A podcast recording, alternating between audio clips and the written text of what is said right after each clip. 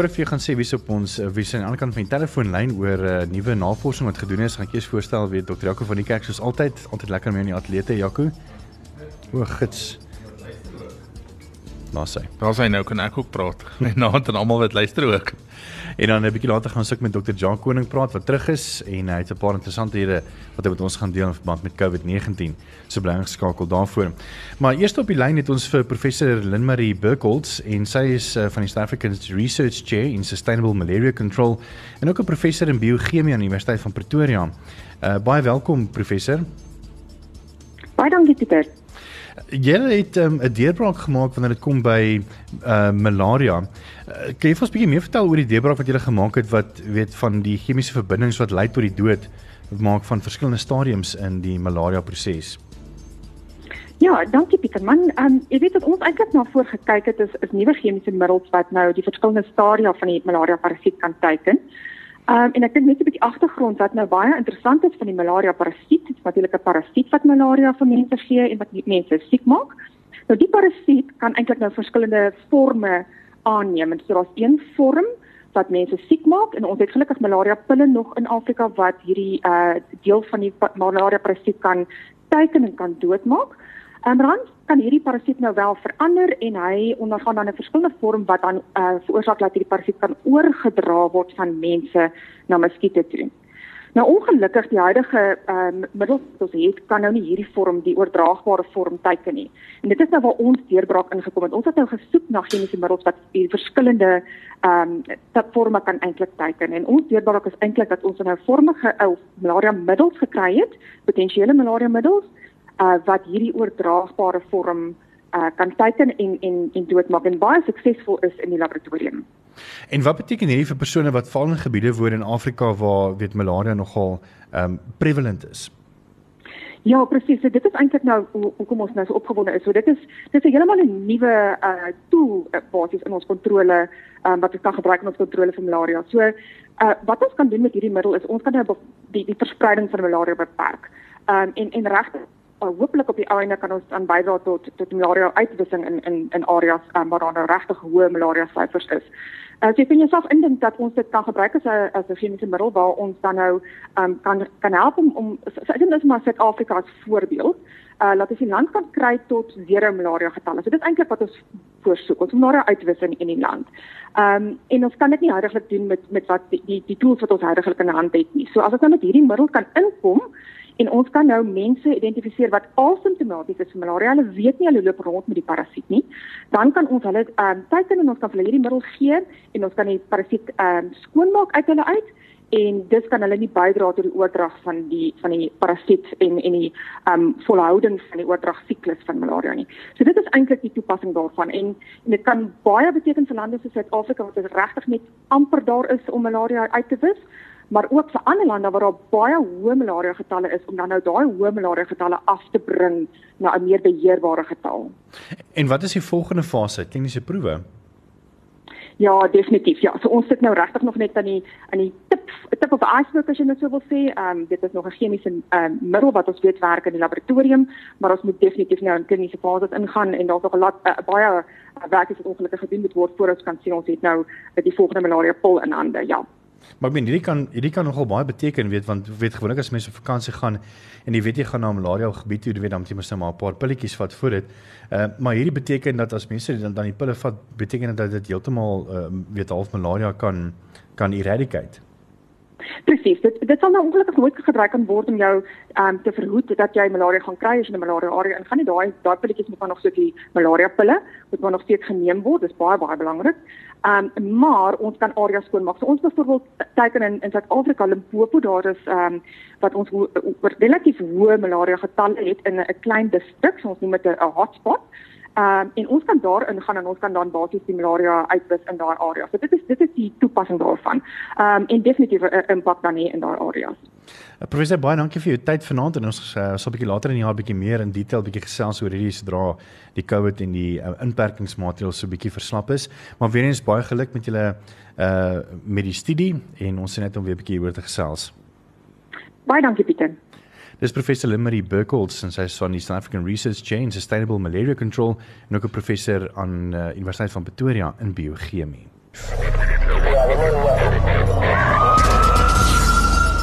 Welkom terug. Dis so bykans 17 minute oor 8 op hierdie klein Saterdag. Dis nou groot trauma saam met Dr. Jaco van die kerk en ook Dr. Jan Koning in Tennis by Montana. Jaco, ons gaan vir 'n bietjie gesels oor 'n interessante ehm um, stukkie wat Esmeralda ehm um, Burger vir my aangestuur het oor long covid sindroom. Wat beteken dit? Pieter, ek dink van my kant af en ek dink Dr. Koning gaan baie meer daarvan kan sê want hy sien hulle en en volg hulle op long covid syndroom of of um die long haulers soos hulle ook bekend staan as is die mense wat komplikasies kry as gevolg van van die feit dat hulle covid gehad het. En die probleem is dis nie net 'n enkel stelsel wat aangetast word nie. Mense word psigologies aangetast. Ons sien baie mense met posttraumatiese stresbeeld, um depressie, angstigheid. Maar jy sien ook mense wat fun funksioneel ingekort word. Jy weet hulle manier van konsentreer is um het agteruit gegaan. Hulle interpersoonlike verhoudings met mense het agteruit gegaan. Maar dan ook orgaangewys, um die longe wat skade kry, hart wat dan uit die aard van die saak deel van die kardiorespiratoriese stelsel is. Um niere, daai klas van ding wat ook vir hulle groot klomp komplikasies gee. En ek dink dis 'n ding wat 'n mens nie moet moet agterweë laat nie. Um Ek het nou rukkie terug 'n mail gekry met 'n studie wat een van die Amerikaanse slim dokters gedoen het. Um op amper 4000 mense wat sê tot 68% van mense na 7 maande kan nog steeds van hierdie simptome hê. So dit maak eintlik dink ek 'n groot finansiële en sosiale impak op die op die omgewing as 'n mens dink daaraan hierdie ou het dit nou oorleef. Hy's nou deur dalk ICU en die trauma wat daarmee geassosieer is. Um, en nou is hy gesond van die virus, maar hy het 'n klomp ander probleme nou ontwikkel en ek dink dit is 'n belangrike ding om oor oor te gesels. Soos watse probleme ehm um, kan nog gekyk word? Is dit soos byvoorbeeld ehm um, as mens kyk na die fisies, miskien bloedklonte en en die meer of en dan wat is die psigies? Pieter, eh uh, julle verskeidenheid ons ehm um, een groep wat ons redelik algemeen nou sien in die huidige pandemiese vlak is uh die pasiënt wat 'n amper outoimmuunbeeld het. So as jy in sy geskiedenis ingaan, sal jy aantref dat hy's waarskynlik 4, 5 weke terug geïnfekteerd gewees en het siektebeeld en dan so 'n paar weke later ontwikkel hulle 'n volledige nuwe sindroom. Hulle kry ewe skielik longontstekingsbeeld wat wat immuungedrewe is. Hulle mag ehm um, neurologiese siektes soos Guillain-Barré ontwikkel. Hulle ehm um, kan kan breinontstekingstipe beelde en dis meer ontwikkel. Langer termyn ehm uh, veelvuldig is wat Jaco genoem het, ongelukkig baie pasiënte stap met permanente litteken van 'n long weg. Dit dit impliseer hulle longfunksie, hulle respiratoriese stelsel is siek en ons vermoed is waarskynlik lewenslange verskynsel. Uh saam met dit kry ons dan natuurlik psigies ehm uh, neurologies. Ons ons kry pasiënte kry letterlik breinskade. Jy jy moet onthou dat ehm um, in hierdie siekte Die een aspek waarna jy blootgestel word is 'n ingekorte suurstof vlak in jou bloedstroom. Alle organe gaan die prys betaal vir daai periode ehm, periode wat jy sonder suurstof of 'n baie lae suurstofdruk gehad het. En dis iets wat ons merk in die saal en dit, dit klink baie breed, maar ehm um, regtig dis asof die intellektaal baie keer by hierdie pasiënte en dit neem 'n baie lang tydperk wat jy agterkom die persoon se funksioneringsvlak en jy hoor dit by die familie ook. Hulle is nie heeltemal die persoon wat hulle altyd geken het nie. Die die persoonlikheid het verander. Hulle hulle funksioneringsvlak, ekonomie konsentrering vlak en dis meer. Ek ek ek verwys altyd uh in in in veral interne geneeskunde handboeke was daar voorheen die tyd toe ek nog gestudeer het. Jare jare. was daar 'n uh, siekteprofiel wat hulle genoem het die kroniese moegheidssindroom. Ek dink mm. onder die publiek was dit jappie griep verskynlik mees. En dit was my altyd die bizarste hoofstuk om te lees. Dit was altyd die heel laaste hoofstuk by neurologie en dit was altyd die hoofstuk net voor psigiatriese siektes. En ek het altyd gesê dis asof niemand mooi geweet het watter kant van die twee moet hy inpas nie. Daar was bizarre voorstelle vir hoekom hierdie sindroom teenwoordig was. Ons het nou en dan met pasiënte te doen gehad wat dit gehad het, hulle het aan die kriteria voldoen. Maar daar was nie 'n toets wat jy kon doen nie. Dit was 'n kriteria diagnose. Die persoon het 5 of 6 van die kriteria en gaan ehm um, die virusse was altyd ook onder die blameering en koronavirusse was ook altyd onder die blameering. Wat ons nou sien is daai kroniese moegheidssindroom, maar maal 100. Ons respek vir daai klein hoofstukkie wat ek nog in my handboek daai mm. amper sê twee paragrawe mm. siekteprofiel sal waarskynlik in mediese teksboeke nou ewe skielik 'n hoofstuk van sy eie word. Sure. Met bladsy en bladsy. Ons begin nou eers te ontdek die impak wat hierdie siekte langtermyn op ons gaan hê. En ehm um, hy maak mense seer, maak geen fout nie. En die ander ding wat ook belangrik is om te onthou, hierdie hierdie sindrome is nie afhanklik van jou primêre infeksie so seer nie. Dis nie te sê omdat jy ernstig siek was, daarom geneet ontwikkel nie. Ons vind dit selfs by persone wat nie 'n ernstige oorspronklike infeksie nie. Selfs persone wat daar wat ons na verwys as asymptomatiese geïnfekteer is sien ons dat oor 'n periode 4, 6 weke, 3 maande later ewe skielik staan funksioneringsinkorting by hulle. Ons uh, ek het onlangs met 'n pasiënt te doen gehad wat waarskynlik 2 maande voor ek hom ontmoet het geïnfekteerd was. Geen simptome nie. Hy hy het so 'n paar goeters genoem wat verdag is. Ons kon glad nie die virus by hom aantoon met ons gewone um, PCR toets nie en was eintlik net op die serologie, net op die bloedtoets wat ons kan aantoon uit antiliggame en ons weet hy moet vroeër tog wel kontak gehad het. En ewe skielik het hy 'n fulminerende sindroom getoon. Goedere wat ons nie kon verduidelik nie en, en hy was letterlik 3 maande in die hospitaal by ons. Nie vir COVID nie, maar juis weens die sindroom. Weens we, weens hierdie sindroom. Dit's net so gevaarlik partykeer en selfs partykeer meer gevaarlik as as as die eerste infeksie. Maar ons leer nog. Ons ons gee nog name. Ons ons ons uh maar ons begin dit te sien soos Jaco sê van veral die van ons wat begin opvolge uh, van pasiënte veral na die eerste vlaag begin 'n waardering hiervoor te ontwikkel. Is ehm um, long covid sindroom al 'n ehm um, erkende diagnose. As mens kyk na ehm um, die lys die internasionale lys van ehm um, wat wat noem hulle dit? Julle is mos nou dokters julle behoort ja. Die ICD-10 kode ja wat die mense mos die diagnose mee weet val vir mediese fondse ook weet ehm. Uh, Ek dink dit behoort deel te wees al van die ICD-10 kode stelsel. Ek dink dit gaan maar nog onder kroniese moegheidssindroom gaan want daar's 'n definitiewe ICD-10 kode vir kroniese moegheidssindroom. Ehm um, ek dink COVID sindroom is nog so nuut. Ek ja. ek is nie seker dat hulle al 'n ICD-10 kode daarvoor het nie. Ja, ek dink nie hulle het 'n spesifieke kode wat hulle al maar maar ons gaan dit waarskynlik dit sal nie lank hmm. wees nie want ek uh, baie van hierdie persone onge, ongelukkig uh, is nie meer geskik vir hulle beroep baie keer nie. Sure. En dit is 'n moeilike ding want ons sien hulle nou in ongevalle ook. Die mense kom terug en dan dink hulle hulle het weer COVID of hulle jy weet jy kry hierdie angstigheid by hulle. Ehm um, en jy weet nie regtig wat om met hulle te maak nie. Jy weet ehm um, mense kom met simptome, fisiese simptome, hoofpyn en goed. Maar wat maak jy met hulle? En dis 'n ding wat wat ons gaan eintlik maar saam moet met kollegas leer wat hoe hanteer jy hierdie mense want daar's nie behandelingsmodaliteite nie. Dit is maklik as jy sê iemand het 'n longontsteking, gee hom antibiotika, jy het jou keuses om uit te maak, gee vir hom suurstof, gee vir hom wat ook al. Daar's behandelingsmodaliteite wat wat almal ken en wat almal half uh volg. Maar met hierdie is daar geen behandelingsmodaliteite wat wat goed ontwerp is of goed nagevors is om te besluit wat maak jy met hierdie mense nie. Ons is net nou weer terug as enige gevra het 061 610 4576 onthou standaard tariewe geld.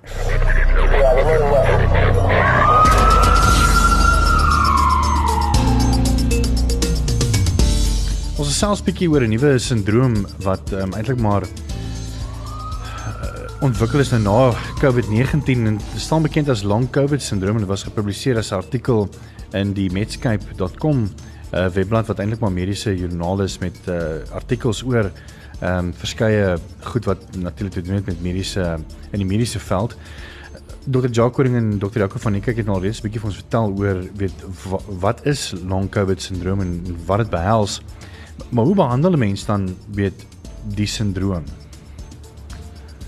Pieter, dis die moeilikheid. Uh dit is dis 'n sindroom. Dit is uh net soos wat hierdie virusinfeksie 'n sindroom uitmaak uh, en mense moet dit mooi verstaan. Selfs die naam verwys na 'n sindroom, soos 'n spektrum van siektebeelde, simptome, bevindinge. En ongelukkig in hierdie COVID sindroom wat ons het, is dit so divers. Dis van 'n persoon wat geen simptome het nie tot 'n persoon wat letterlik binne 'n uur in lewensmoeilikheid is. Uh selfs met hierdie daar's nie 'n spesifieke aantoning wat ons kan doen of 'n spesifieke toets wat ek kan doen en 'n uh, teken wat ek kan verander of draai en hier kan ek die persoon se se siektebeeld ver, uh, verander nie. Hierdie hierdie is meerendeels 'n ervarings siekte vir baie pasiënte. En en behandeling ongelukkig is baie maal simptomaties. Ek dink wat ook die publiek moet mooi verstaan dat wat hierdie virus so wreed maak is die wyse waarop sommige persone se immuunstelsel reageer op sy te, uh, teenwoordigheid. Ja, daar is 'n groep van die populasie wat baie gelukkig is. Die virus stap verby en dit lyk nie of die immuunstelsel te veel getraak is um, uh, uh, omdat die virus teenwoordig is nie. Maar dan kry jy ongelukkig vir 'n ander persoon waar dit lyk die asof die immuunstelsel dink hierdie is die mees gevaarlikste ding wat hy nog ooit mee te doen gehad het.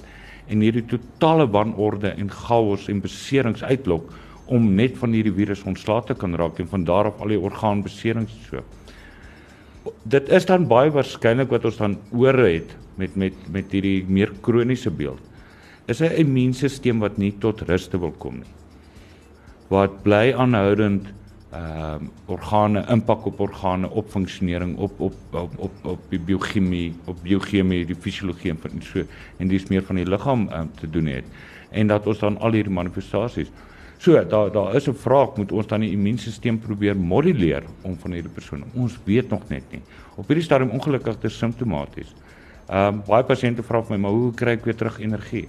Ek wens ek het geweet. Ek ek regtig ek, ek sou 'n miljonair gewees het. Ek los vandag medisyne as ek as ek antwoord vir daai en ehm um, het ehm um, hoe kry ek my konsentrasie beter? Ek ek wens ek het geweet. Regtig ek ek ek sou elke student sou waarskynlik vir my, jy weet, hulle hulle salaris ook al gebied het. Ons sukkel nog. Ons ons ons behandel dit simptomaties vir die meeste persone um, op hierdie stadium. Vir party persone probeer ons immuunmodulering. Ons het sekere middels wat ons kan gebruik veral as daar hartaantasting is, as daar longaantasting is, ehm um, neurologie of spinalkoord aantasting probeer ons gaan ons kry resultate daarmee wat suggereer dit is die roete om aan te dink. Maar jy gaan nog nie 'n definitiewe antwoord by medisyne kry wat hoe om dit te doen nie. Net van my kant af, dink julle daar's 'n genetiese komponent want baie ons het in die begin gesê ou mense kry hierdie siekte en doen sleg. Komorbiditeitspasiënte um uh, uh, doen slegter. Maar nou kry mense 2 23 jarige um pasiënte wat net so sleg doen. Is daar 'n genetiese komponent aan die virus se verloop in terme van wie gaan sleg doen?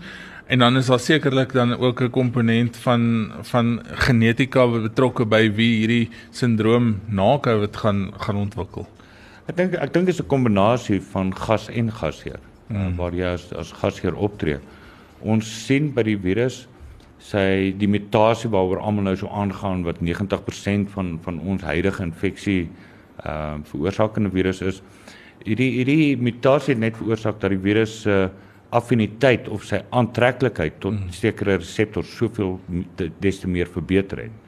Hierdie is die rede dan hoekom meer mense siek raak, vinniger siek raak en dan ook uh populasies wat ons voorheen hier ons jonger persone of vroulike persone uh met die wat eintlik minder reseptore het kan steeds net so siek raak want die virus het nou 'n baie beter kleefmiddel om aan daai reseptor te gaan. So ja, dit hang af van die virus se mutasies, sy genetika.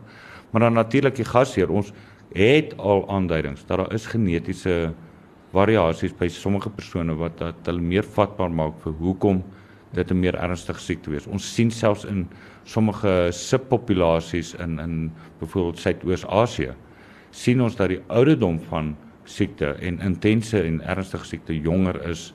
Um, en dis meer hulle staan eintlik amper soos 'n paal weg. So daar is belang, daar moet 'n genetiese ding wees wat ook 'n rol speel, maar dit is van beide kante af. Dis beide die gasheer en en en die gas wat daar aankom. Gaan ook oor die virus se vermoë om te repliseer. Hmm. In sommige persone sien ons net hy hy hy kan letterlik in 'n kwessie van 'n paar ure of so in miljoene in verdeel wat natuurlik 'n baie meer ernstige siektebeeld gaan uitbeeld waar hy by ander self verdeel maar dit is nie met hierdie selfde golf en en massiwiteit nie en hierdie sal waarskynlik weer dan van die virus se genetika um, afhanklik wees. Is dit 'n given dat mediese personeel soos julle wat nou letterlik daagliks met COVID-19 pasiënte werk, dat dit 'n given is dat julle ook long COVID sindroom gaan ontwikkel? Al het julle self nie moontlik dan COVID gekry nie. Pieter, joh, dit is nou eintlik 'n interessante vraag. Ek dink ek dink 'n mens moet onderskei tussen uh, post-infeksie sindrome en dan psigiese sindrome, uh psigosielkundige sindrome soos PST weens weens uh, blootstelling aan aan 'n ander scenario. Ehm um, natuurlik die mediese personeel is die voorste linie. Hierdie is die ouens wat die meeste seer kry. Ehm um, en en daar haal ek my hoed af vir enige enige mediese personeel het wat bereid is om in die oggend aan te trek, in te stap in 'n eenheid of in 'n arena en hierdie virus konfronteer met wetend wat is die implikasie as daai virus oorspring na daai persoon toe. Hmm. Onthou ons vra nie vir hierdie mediese personeel net om na die vuur te stap of in die vuur in te stap nie. Ons vra vir hulle letterlik om stil te staan in daai vuur.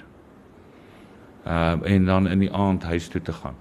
So ehm uh, ek dink ek dink onder mediese personeel, ek dink die infeksie tempo, ons gaan 'n dramatiese hoë insidensie aantoon as daar ehm um, uiteindelik insidensie studies begin gedoen word om om vergelykend te kyk.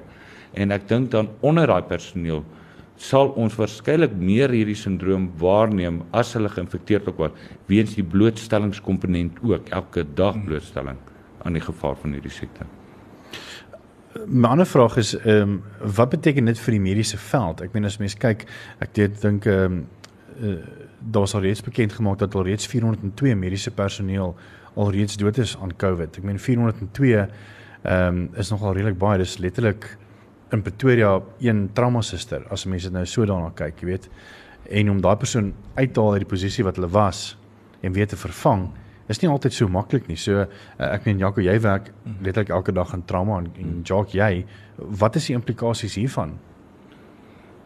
Pieter, ons ons verloor vriende, ons verloor kollegas, ons verloor pragtige mense, ons verloor mense op wie ons trots is. Hierdie siekte is ongelukkig in die mediese wêreld besig om medisyne lelik te maak vir mediese personeel. Ons word naak daar gelos. Ons kyk natuurlik ons aanskou ons prioriteit is die pasiënt, ons prioriteit is die gesondheid van die samelewing. Ons verstaan almal se vrese, ons het presies eendes se vrese. Maar dit dit word vir ons 'n nagmerrie scenario in in die sin van die intensiteit en aanhoudende blootstelling intensiteit. Uh ek dink as daar ek het daardie dag gespot en gesê ek dink as ons hierdie pandemie uiteindelik uitgeroei kry met 'n massiewe vaksineringsprogram dan sal ek persoonlik gaan en elke straatnaam waarop 'n politikus is afhaal en dit vervang met die naam van 'n mediese personeel wat met hulle lewe moes boet. Want want, want regtig ons vra tans vir mediese personeel om hulle lewe op die spel te sit om 'n ander persoon, 'n onbekende persoon se lewe te red. Dit is 'n groot vraag. Hierdie kan jy nie in geld terugbetaal nie. Hierdie kan jy nie in vakansie en verlof nie. Hierdie is nie 'n toebroodjie ding en nou voel jy beter of 'n sjokolade of 'n klap op die skouer nie. Vir baie mense gaan hierdie 'n baie swaar proses wees wat hulle alleenig moet moet gaan neem by hulle self en gaan vrede vind en oplossing vind en en en rede aan koppel. Dit dit gaan 'n swaar tydperk wees in in ek voorsien in die toekoms vir baie mediese personeellede. Ja, ek dink mense moet na jou kollegas ook kyk. Um jy het nou-nou in die nuus gelees van van die betrokke dokter wat by Steve Biko werk wat sê sy voel soos 'n afkop hoender wat rondhardloop. En dis 'n probleem want aan die een kant het jy hierdie posttraumatiese of hierdie stres wat jy heeltyd is en amper posttraumatiese stresversteuring en angsversteuring wat jy ontwikkel. Um maar die oomblik wat dit gebeur en jy dit toelaat, dan begin jou effektiwiteit by die werk ook agter agterweë gelaat word en en en agteruit gaan. So ek dink is ook belangrik vir vir kollegas en en almal wat in die bedryf werk om na mekaar um, te kyk en dis baie keer help dit net om met 'n kollega te praat daaroor. Um dit dit help bietjie stres ontlaai en dit help dat jy weet daai ander persoon verstaan waar jy ook vandaan kom. Ehm um, en ek dink as dit nie die geval is nie en as ons nie met mekaar praat nie, dan gaan ons in 'n groter moeilikheid nog gewees het as wat ons tans is. En dit is nie eens gepraat van van die hoeveelheid mense wat jy letterlik besig is met julle hande wat jy verloor wat jy nie kan kan red nie. Ja. Ek dink ek dink mense moet ook dit mooi begryp dat ja, baie mense is gelukkig hierdie jy moet jou waarnemingspunt op jou observasiepunt moet jy ook mooi verstaan want ja vir baie mense is hierdie 'n Facebook of 'n Twitter of 'n uh sosiale media siekte, jy hoor maar van iemand wat siek is. Hmm. waar ons is weer aan die ander ekstreme kant en ons begryp dit ook. Ons sien natuurlik die wreedste, die hardste, die die die die, die tragiesste gedeelte van. En op 'n stadium sal daar weer 'n tegemoetkoming moet kom tussen mekaar. Want vir die een persoon verstaan die die een gedeelte van die samelewing verstaan glad nie meer die ander gedeelte van die samelewing nie. En ek dink daai tegemoet gaan 'n ook 'n moeilike proses wees want wat gaan bekendheid wees? Wat gaan normaliteit wees hierna? Dis dis glad nie wat ons geken het nie. Dit gaan iets nuuts wees. En dit gaan twee teenpole wees wat na mekaar toe moet beweeg. En ek dink dit is belangrik dat beide teenpole gaan moet verstaan hulle gaan moet stap na mekaar toe. Dis nie net van die een groep stap na die volgende groep toe nie. En van daar af sal 'n nuwe realiteit, 'n nuwe normaliteit, 'n nuwe bekendheid saam ontwikkel. Ons is net hier nou weer terug, ons is 20 minute weg van 9 uur af.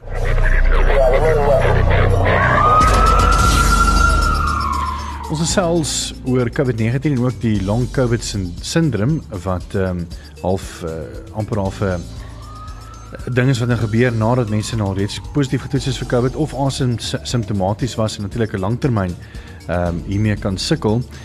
'n uh, Baie goeie vraag wat Frik gestuur het en ek gaan hom sommer net so lees en dan gaan ek hom sommer vir jou Jaco en vir mm. Jacques sê om te antwoord. Persoon uh, Frik sê goeie aand. Ek wil nou nie persoonlik weet persoon sleg maak of iets nie, maar ek dink maar net of hy hy weet waar deur hulle gaan. Die ding is net as as 'n medical mens of 'n persoon wat mediese swart het, moet hulle dan geweet het dis gevaarlik en mense gaan siek word en mense gaan doodgaan. Dis waarvoor hulle geleer het. Mense het siek geword in 2019 en dood gegaan en so gaan mense sterf 100 jaar van nou af ook. Dink aan daai mense, maar die ding is net nog 'n probleem met 'n oplossing lekker aan verder. Ek dink aan die een kant hy reg ons het geweet toe ons begin swat het van my kant af, ehm um, jy gaan potensieel lewensgevaarlike siektes sien en die risiko is daar dat 'n mens dan een van daai siektes kan opdoen en dan ook sterf. En dis 'n keuse wat ons gemaak het en dis wel so. Ehm um, maar as 'n mens gaan kyk in verhouding, moet 'n mens dit dink ek in die verhouding daarna gaan kyk ons sal byvoorbeeld TB sien en ons sal allerlei hepatitis B sien en ons sal allerlei infektiewe siektes sien. Maar is die frekwensie of die die insidensie van hierdie siektes regtig so hoog as wat ons nou sien? Jy weet jy sal dalk ek weet die interniste sien nou baie meer as ons, maar ons sal dalk 2 of 3 TB's 'n jaar sien in ongevalle.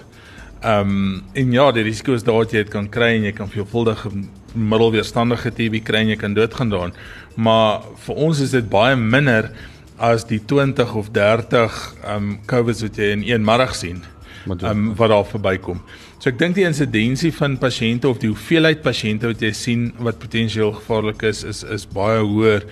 Um en die ander ding is ja, mense kan siek gaan en doodgaan van ons siek word en doodgaan van enige siekte, maar 'n klomp van daai siektes is tot 'n groot mate behandelbaar deur jarelange agtergrond en en navorsing en die slim ouens wat besluit het hoe moet hierdie goed behandel word op die mees effektiewste manier.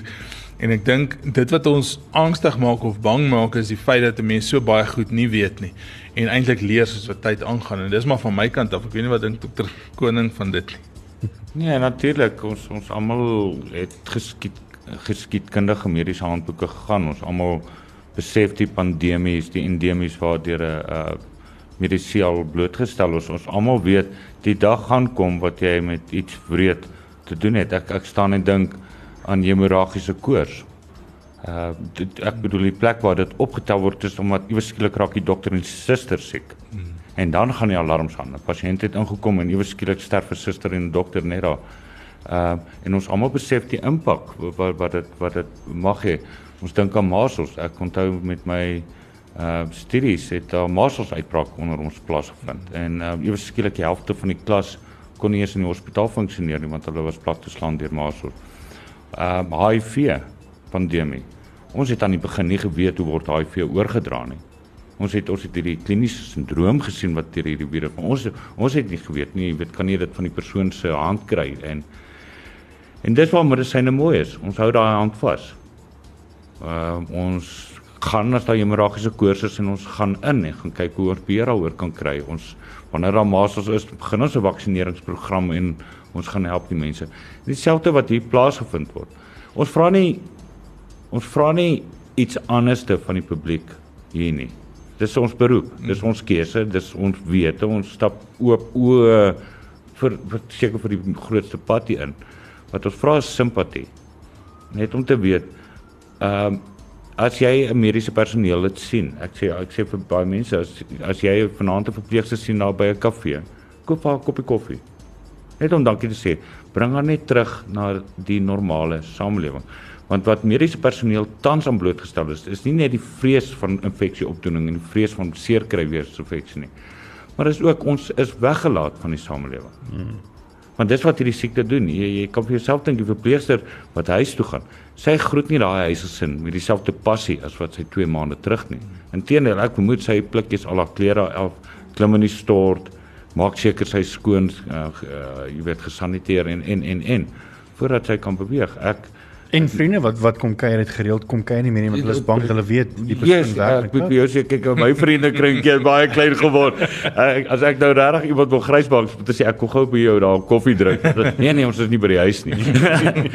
dit dit is is is is is 'n arigheid ons almal ons almal deel dit. Ons ons vra maar net die uh vir die publiek uh wees maar net bedag en wees wees verseker ons is daar maar weet met ook met die wete dat ons stry saam met julle hierdeur. Um, ons het ook gestry. En om af te sluit, 'n um, 'n gedagte oor long covid sindroom en die pad vorentoe Janko. Pieter, ek dink dit gaan 'n groot impak op op op die mediese bedryf en op die op die hele stelsel hê en nog baie druk op die stelsel plaas um in die in die tyd wat voorlê um 'n simpel ding soos wat ons nou nou gepraat het oor die long longskade en die en die littekenweefsel of longfibrose wat kan plaasvind mense wat ewe skielik gesond was en nou sit hulle soos emfyseem pasiënte by die huis met met tuisuurstof daar is alles goed wat wat 'n nuwe normaal vir ons gaan gaan wees en en is 'n ding wat almal nie net ons nie ook die pasiënte en en almal daar buite gaan by moet aanpas. Ehm um, en ek dink mense moet ook simpatie hê met die mense wat wel aan hierdie post-covid sindroom ly. Ehm um, want ek dink ook nie hulle is altyd by magte om te beheer baie van hulle simptome en soos ons nou nou gesê het die die psigo psigo ehm um, logiese aspek daar agter. Hulle hulle is nie altyd in beheer van hoe hulle optree en baie keer as hulle dalk geïrriteerd is of of aggressief voorkom. Ehm um, wees maar 'n bietjie met empatie en simpatie wat jy daai mense hanteer. Ek dink dit is belangrik. Jacques. Ja, ek dink uh moenie hierdie siekte onderskat nie. Hmm. Hy hy maak jou nie net seer daai eerste week en dis 'n se loop neus nie. Vir party mense het dit 'n impak en ja, die eerste 2 weke maar wat van die eerste jaar, wat van die volgende jaar. Ons weet nie hoe lyk hy oor 2 jaar nie. Hmm. Ons gaan moet oplossings kry, kry en ons almal gemoedsaam staan. Ons moet harde besluite neem want hierdie siekte is besig om sy pond vleis in alle aspekte by ons te neem. Dankie vir die tyd dokter Jaco van die Kerk, trauma dokter by Net24 ek sy eie praktyk daar in Montana en dokter Jacques Koning internis by Netcare Montana. Ons gaan dan so in die loop van die maand 'n uh, bietjie meer gesels oor die nuwe vaksines wat uit is en uh, hopelik um, is daar sprake dat die hospitale dit moontlik al reeds in die volgende week of twee kan kry. En um, ons wil weer 'n bietjie meer vertel daarvan, jy weet en ek weet uh, dokter Jaco van die Kerk, gaan jy die vaksines vat as hy daar is? Ek dink as dokter Koning hom nie eerste vat nie, gaan ek hom dalk eerste vat. ek vat die eerste twee. ek dink ons gaan daar voor die hospitaal staan en net 'n voorbeeld wees vir die mense sodat hulle kan sien ons is nie bang om hom te vat nie. Daar sê so bly geskakel vir daai onderhoud uh, so binne die po, uh, volgende week of twee. Luister dan meer musiek tot môreoggend 5:00 wanneer ek jou weer wakker maak met nuus, weer verkeer en lekker musiek. Groot FM. Just like 90.5